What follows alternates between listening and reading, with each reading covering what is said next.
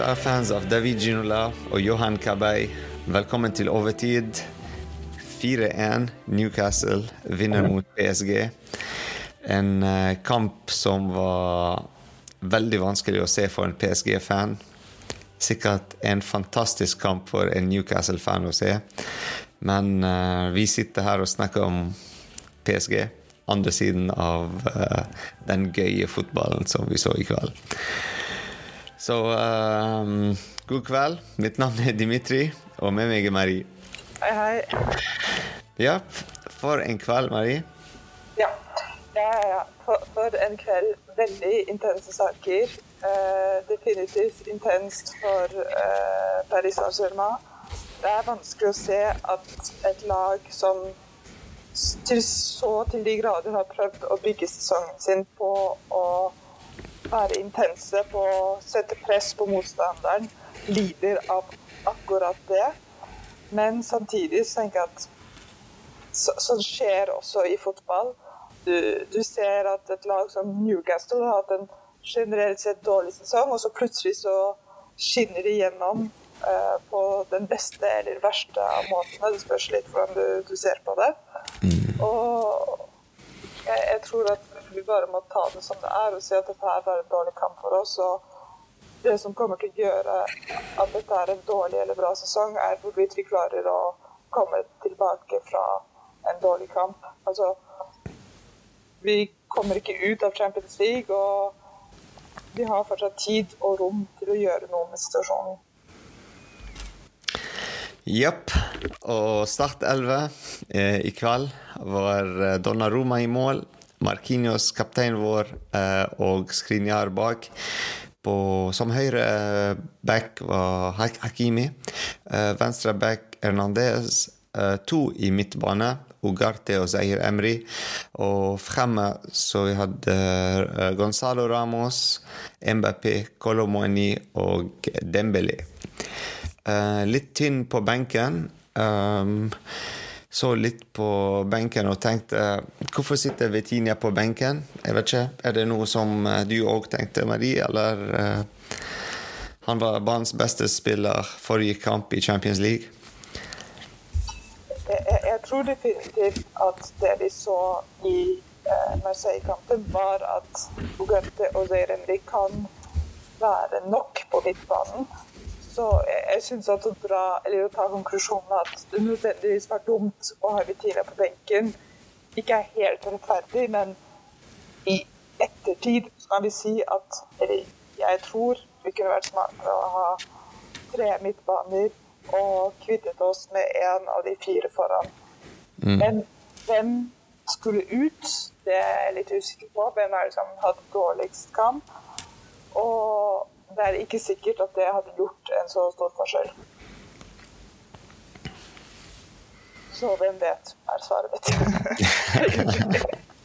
ja, nei, jeg føler at uh, Louise Henrique er gamblet litt med formasjon og start 11. Jeg tror vi skulle ha gått med den klassiske uh, Louise Henrique 4-3-3 med uh, Vitinia, uh, i tillegg til Ugarte og Zaire Emry det er litt for mye for en 17-åring eh, Zair Emry og en 22 år eh, Ugarte, som har bare spilt sammen hva, fem kamper, seks kamper, til å bære hele midtbanen. Det, jeg følte det var litt for mye for, for de to. Uh, vi merket det. Altså, det var noen tider hvor de presset så høyt opp. Uh, Newcastle presset så høyt opp uh, med to fremme som presset på Skrinjar og Markinios. Og det var fem midtbanespillere mot bare to Ugarte. Og, så det var, det var, derfor det var litt vanskelig for, for Markinios å finne noen å spille med når han ble presset og gjorde den feilen for første målet. Uh, ja, det er lett å si ting nå, men jeg tror han skulle ha gjort litt mer research, uh, Luis Henrique. Bare, det er litt cocky, jeg føler, av han måten han spilte. Han undervurderte Newcastle. Jeg tror vi hadde to kakketrenere. trenere. Å spille så høyt mot et lag som har Mbappé, Dembélé, Colomoni, mm. med Ramos foran dem, er Ja. kjempecocky. Ja, ja. Men han så svakheten i oss. At, at hvis du klarer at du får ballen til, ikke til å komme til de fire fremme Men, men jeg tror det var begge, begge trenerne veddet på noe. Ja. Luis Henrique sa hvis vi kommer forbi det teppet, ja. så er det gjort. De klarer ikke å ta oss igjen. Og Newcastle-treneren sa hvis de ikke kommer forbi det teppet, så kommer de seg ingen steder. Og at det ikke gikk vår vei, er utrolig uflaks, men når du tenker tilbake på det, så var det ikke helt idiotisk av eh, av Luis Henrik å tenke at kanskje vi kommer oss et hakk fremover. Og spesielt når du har så raske spillere som Hakimi Mbappé, som kan hente ballen ganske langt bak og flytte den ganske langt fremover veldig fort. Jeg, jeg tror dette definitivt sånn rent taktisk sett kunne gått begge veier. Det gikk ikke vår vei, og det er ikke ufortjent for Newcastle, men jeg, jeg tror definitivt at det som alltid i idrett er litt flaks i ting. Og også når vi vinner, ikke sant. Det, det er ikke for å si at dette er urettferdig, og sånt, men de tok en risiko, og det funket. Akkurat Og de, de klarte å spille risiko- på alle våre svakheter. ja. Men vi prøvde å spille på deres svakheter, og det bare Det gikk ikke opp. Fordi hvis vi hadde klart å holde det presset, som var det vi veddet på, så hadde, vi, så hadde de vært i en svak Ja. Plutselig står vi fem mann som har sånn, fire av de raskeste spillerne i Europa i ryggen. Det, ikke det hadde ikke gått. Men ting skjedde ikke sånn som, eh, sånn som de ville. Så det, det er litt vanskelig å, ja, å vite hvordan ting kunne vært. Ja, jeg klarer ikke å finne en uh, positiv ting. Jeg bare tenkte å si positiv eller negativ ting og, komme opp med. Men jeg kan ikke finne en positiv ting, faktisk. Jeg, jeg så ikke noe positivt i det laget i dag. Uh, en veldig, veldig stor uh, feil av Marquinhos. Jeg tror den kommer til å ødelegge litt for han nå i fremtiden. Jeg håper ikke det, men vi så det som har skjedd med Donnarumma mot uh, Real Madrid. Og uh, Marquinhos òg noen sesonger tilbake. Um, det er litt vanskelig å komme tilbake fra en sånn mentalt komme tilbake fra en sånn tap. 4-1 mot Newcastle. Altså, det er ikke en 1-0 eller en 2-1 eller en sånn 4-1. Tre måls forskjell. Altså, jeg, jeg, jeg, syns det kommer et punkt hvor man tenker at vi valgte denne treneren for en grunn. Og jeg tror at vi vet bedre enn noen at Luis Henrique er ikke redd for å tape. Og, og, og jeg, tror det, det kommer et punkt hvor du må se spillere som Markino sine øyne og si Vet du hva, du har betalt bra nok for å ta deg sammen. Punktum. Sånn.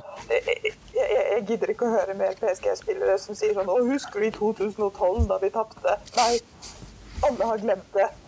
I- Ingen bryr seg lenger. Ikke sant? Det, det, dette kan være en bitte liten feil i en bra sesong, som det kan være sånn starten på slutten, som det alltid er i PSG. sånn og husker du da vi taklet han og vi fikk rødt kort? Det bare sånn, slutt på det. En hel sesong. Det blir, det blir for dumt.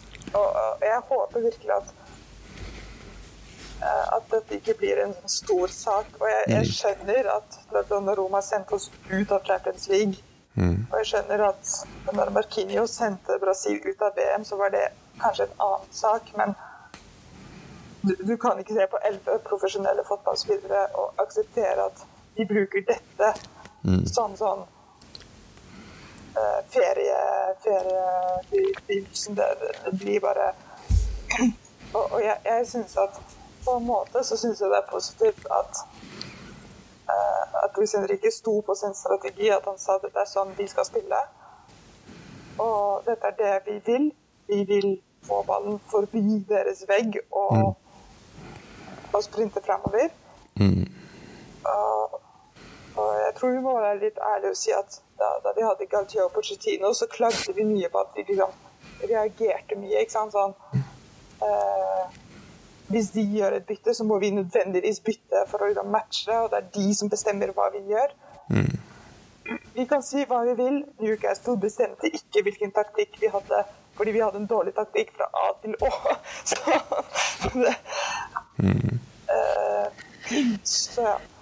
Ja. Ja, men jeg, ja, jeg føler at uh, i de tre linjene, uh, forsvar, midtbane, fremme Vi tapte duellene uh, på alle tre. Uh, Donnaroma hadde noen redninger, men fortsatt fire mål mot han. Altså, det blir litt vanskelig òg for han. litt vanskelig å velge en toppspiller i dag, en banens beste. Men en spiller jeg har lyst til å snakke om, er faktisk Dimbilly. Jeg vet ikke hva du tenker om han i kveld og uh, hittil. Jeg, vet helt klart hva som er Det er enkelt å si at dette ikke er en bra begynnelse på sesongen til mm. Dembélé. Det, det, liksom, det, det ligger rett der. og men jeg er egentlig ikke veldig villig til å gå inn i en veldig stor kritikk av, av Dembélé, fordi jeg, jeg, jeg syns at igjen det kommer et punkt hvor vi tenker vi, vi kan ikke begynne hver sesong og si å nå bygger vi noe som er liksom større enn oss, og så fire kamper senere si at too late. Nei, ikke sant. Det, uh, jeg, jeg, tror ikke sant, Jeg kan ikke si stå her etter å ha sagt i vår presesong sidelinje at jeg ikke tror at de kommer til å vinne noen trofeer. At ja, dette er uakseptabelt. Dette er det vi We bought into this. Mm. Ja. Det, det, det, er det vi ville da vi kjøpte inn disse spillere. Mm. Mm. Men altså, i tillegg til valg av uh, altså, altså uh, taktikkvalg med to midtbane og sånn, uh, jeg føler at på plassering av spillere. F.eks. at MBP spiller ikke som venstre ving, men spiller fremme med Gonzalo Ramos, og det er Colomani som spiller på venstresiden.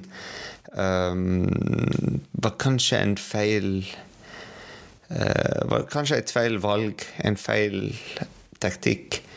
Uh, fordi MBP er så god på de sprintene på venstre side, og Kolomani er veldig god som en nummer ti bak hovedspissen, Gonzalo Ramos, la oss si, som kunne vært fremme hele tiden og presset forsvarslinjen til, uh, til Newcastle. Men uh, Ja, det er det er veldig tungt. Veldig, veldig tung podkast i dag for meg. Jeg tenker, Hvis du tenker tilbake til forrige sesong, der vi hadde Neymar og Messi, så basically kanskje de beste nummer tiende ever. Mm, mm. Da hadde vi sant, Vi hadde mye materiale, mye Eller vi hadde alltid spillere som sto på uh, ja, ja. nummer ni. Og, og folk, nå tyter folk sånn ja, vi burde ikke kvittet oss med Neymar, men hvilken forskjell gjorde Neymar? Altså, ja, så klart er det en verdi å ha nummer ti. Og men det er ikke noen automatisk løsning på alle problemene våre. Fordi vi hadde to fantastiske nummer tiere. To. Og, og, det kom ingenting ut av det. Mm. Ingenting. Mm. Så, så, så, jeg tror jeg, jeg, er enig med deg at jeg syns enten Dembélé eller Kolomani burde hatt en nummer ti-rolle, for det hadde vært mer balansert. Og mm. defensivt så er de egentlig ganske flinke. Mm. Så men jeg tror ikke vi kan si at det er liksom den magiske ingrediensen som hadde fikset alt. Mm. Altså, En ting før vi går videre fra Dembélé, og, eller går tilbake til han, er at uh, han alltid vil ha ballen uh, sentret til han, altså på beinet. Og det er aldri sånn de, de, eh, Selv om han er veldig rask, og sånn, han sprinter ikke i de åpningene hvor de kan spille ball gjennom ball til han. Um, og det er noe som jeg skjønner ikke hvorfor de gjør ikke det. Eller kanskje han ikke er trygg med det, eller kontrollen han, hans er ikke så Jeg vet ikke. Det er et eller annet. Men jeg jeg fortsatt venter på å se en sprint av Dembélé fra begynnelsen av sesongen. Bak noen eh, forsvarsspillere. Eh, og så få en sånn gjennomball av Ugarte eller Vitinia. Men det er alltid motsatt side. På venstre side de gjør det. Eh, ja. En positiv ting. Målet til Hernandez. Ja. Luca Hernandez, klart som skårer, men jeg vil også gi en shout-out til Barcola. Mm. Fordi jeg føler han, han gjør Faktisk. en forskjell, og, Mm. og det er bra gjort på Champions League-debut. Altså, Mm. Og jeg vil gi en shout-out til Zair Emry, fordi jeg, jeg føler han Veldig fin assist. Ja, og jeg føler han leverer en ganske bra kamp Å, ja. oh, ja. Så, så jeg, jeg vil si de to spillerne fortjener en, en applaus, fordi dette er ikke en veldig sånn applauskamp, men det er de som gjør forskjellen for meg. De tre. Har du en man of the match? Jeg sa Zaire Emry, men Fordi Barcola spiller ikke akkurat nok, men jeg ville sagt Zaire Emry. Jepp. Zaire Emry. Jeg òg. litt skuffet over Ugartis kamp i dag òg. Ja. Men jeg tror vi er litt skuffet over alles kamp. Og eh, det du kan se, er de vi ikke er skuffet over, er egentlig ikke fordi vi ikke er skuffet, men det er fordi vi skjønner hvorfor det er sånn. Det er sånn vi, vi aksepterer det. OK. Repass. Så, så er det sånn alle har vært litt skuffende. Mm. Det er ingen som, som leverer en veldig ren kamp. Altså, vi hadde ballen rundt 70% av tiden. Ehm, Ti skudd, to av de på mål. De hadde elleve skudd, syv på mål. Fem redninger for uh, Donnarumma. Så han er på en måte opp der med man of the match, men uh, han hadde bra uh, redninger. Men tredje målet var sånn litt lett for han å ta. Men ja Uh, Uh, Det er typisk Champions League-kveld. Eh, de appene er app, og de downsene er veldig down. Sant? Men tror det er viktig å være veldig rolig. ikke sant? Jeg tror Ja. det er viktig å tenke at da vi vant mot Marseille, så, så var det ikke riktig tid å si at dette er sesongen hvor vi vinner alt. Nei. Og dette er ikke riktig tid for å si dette er sesongen hvor vi taper alt. Sånn, ja. la oss ha en sånn nøytral stilling til, Ja. til alle disse tingene. Fordi vi er fortsatt i liga, og vi er fortsatt i Champions League. Samme hva, liksom. Så vi får se. Og så i andre kampen, det var 0-0 mellom Dortmund og Milan. Så Milan eh, holder den italiensk tradisjon, holder nullen, men òg å skåre null mål. Så de har ikke skåret ennå et mål i Champions League. Så uh, gratulerer for de. For de, for de rekordene de har. De har. Men eh, ja, en eh, som vi sa eh, Interessant kveld, faktisk. Veldig interessant å se hvordan reaksjonen til Luis Henrique skal være neste kampene. Fordi det er mange kamper nå som kommer, veldig veldig viktige kamper for PSG. Før vi spiller mot Milan på slutten av oktober. Så eh, nå er det Newcastle som leder gruppen med fire poeng. Paris Saint-Germain andreplassen med tre poeng. Eh, Milan tredjeplass med to. Og Dortmund med ett poeng, sisteplass. Uh, neste kamp blir mot Rennes. Det er på søndag. eh, 8. oktober, kvart på ni.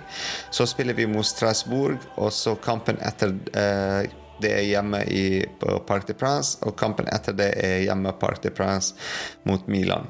Og vi skal være der og heie. Ja. Det blir veldig Jeg gleder meg veldig. Det blir en veldig bra kveld. Så um, takk for i kveld, eh, Marie. Takk, takk. Paris. Paris.